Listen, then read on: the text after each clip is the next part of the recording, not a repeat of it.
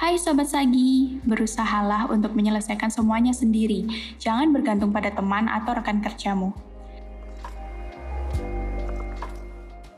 Percinta untuk Sobat Sagi yang masih single, memfilter pertemanan patut untuk menjadi fokusmu saat ini loh. Percinta untuk Sobat Sagittarius Lovebird, Don't be settled down when you smell something unusual dari kebiasaan pasanganmu. Jangan biarkan orang ketiga berhasil memasuki hubunganmu.